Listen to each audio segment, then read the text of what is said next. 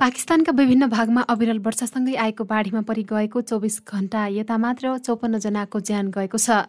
साथै बाढीमा परेर हालसम्म अरू कैयौं व्यक्ति घाइते भएको बताइएको छ। बितेको दुई महिनामा त्यहाँका एक हजार चार सय एक्कासी जनाको बाढीबाट ज्यान गएको बताइएको छ। त्यसै गरी पाकिस्तानको राष्ट्रिय प्रकोप व्यवस्थापन प्राधिकरण एनडिएमएले त्यहाँका हजारौं व्यक्ति बाढी र पहिरोमा परेर घाइते भएका जनाइएको छ। एनडिएमएले प्रकाशन गरेको एक तथ्याङ्कमा यसबारे जानकारी दिइएको हो।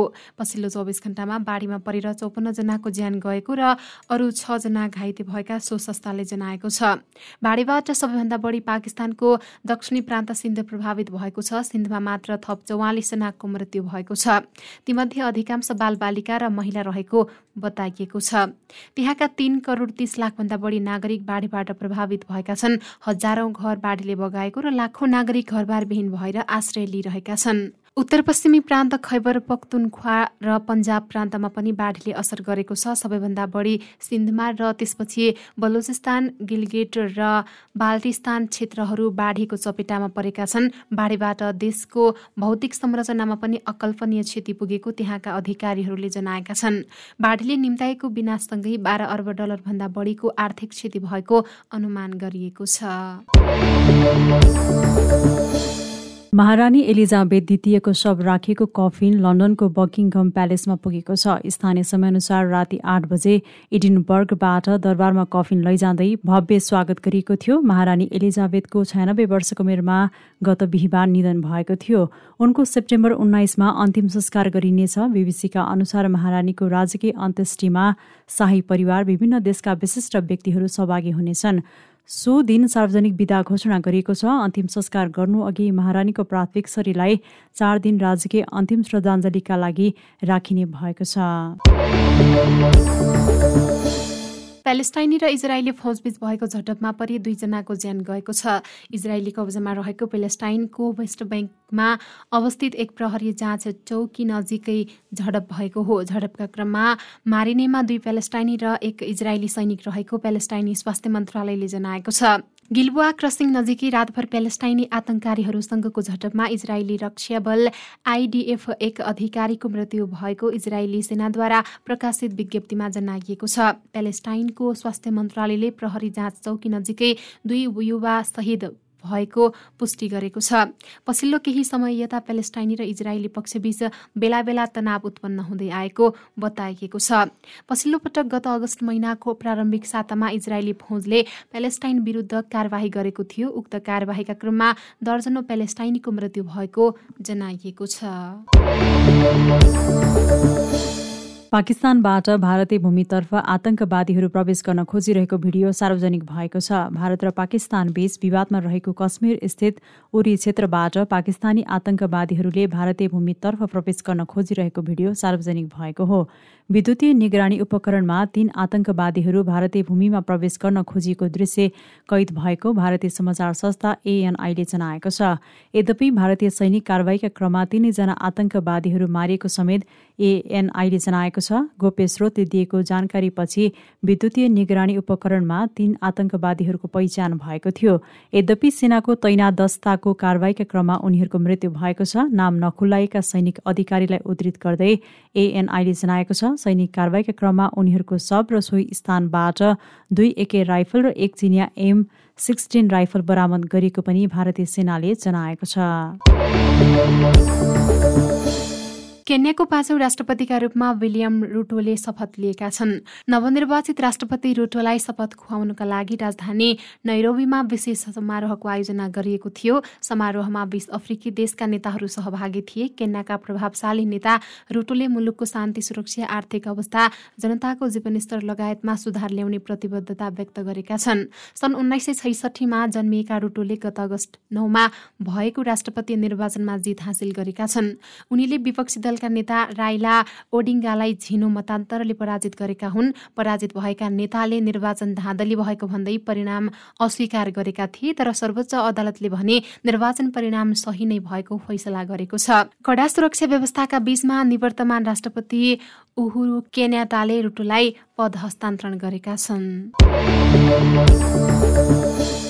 अफगानिस्तानमा शासन चलाइरहेको तालिबानले अध्ययनका लागि विदेश जान चाहने महिला विद्यार्थीलाई अनुमति नदिने गरेको पाइएको छ।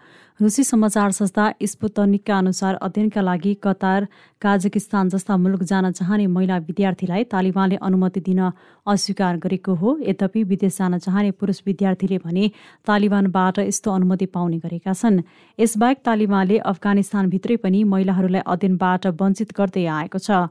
मुलुकका विद्यालयहरूमा महिला र पुरुषलाई बेग्ला बेग्लै राखेर पढाइ हुँदै आएको छ भने छात्रहरूलाई छ कक्षाभन्दा माथि अध्ययन गर्ने अनुमति छैन। यति मात्र नभई तालिबानको शासनकालमा महिला अधिकार कटौती भएको भन्दै विभिन्न अन्तर्राष्ट्रिय मानव अधिकारवादी संस्थाहरूले समेत चर्को आलोचना गर्दै आएका छन्। अमेरिकामा मङ्कीपक्स संक्रमणबाट पहिलो पटक एकजनाको मृत्यु भएको छ। मङ्कीपक्स संक्रमणबाट एकजनाको मृत्यु भएको क्यालिफोर्निया राज्यको लस एन्जलस काउन्टी जनस्वास्थ्य विभागले पुष्टि गरेको हो। पीडितको मृत्यु मङ्कीपक्स संक्रमणबाट भएको अमेरिकी रोग नियन्त्रण तथा उन्मूलन केन्द्रले पनि पुष्टि गरेको अन्तर्राष्ट्रिय सञ्चार माध्यमले जनाएका छन्। बिरामीलाई अस्पतालमा उपचार गरिएको भए पनि उनको प्रतिरोध क्षमता कमजोर रहेको जनाइएको छ। उनको मृत्युबारे अन्य कुनै जानकारी सार्वजनिक नगरिने अधिकारीहरूले जनाएका छन् Los Angeles county of public health health विभागले पोस्टमार्टम रिपोर्टबाट मृत्युको पुष्टि भएको जनाएको छ। अमेरिकामा मङ्की पक्षका कारण कसैको मृत्यु भएको यो पहिलो घटना रहेको अमेरिकी टेलिभिजन सिएनएनको अनलाइन संस्करणले जनाएको छ। यो वर्ष अमेरिकामा सम्भावित र पुष्टि भएका सहित लगभग बाइस हजार मङ्की पक्षका घटनाहरू रेकर्ड भएका छन्।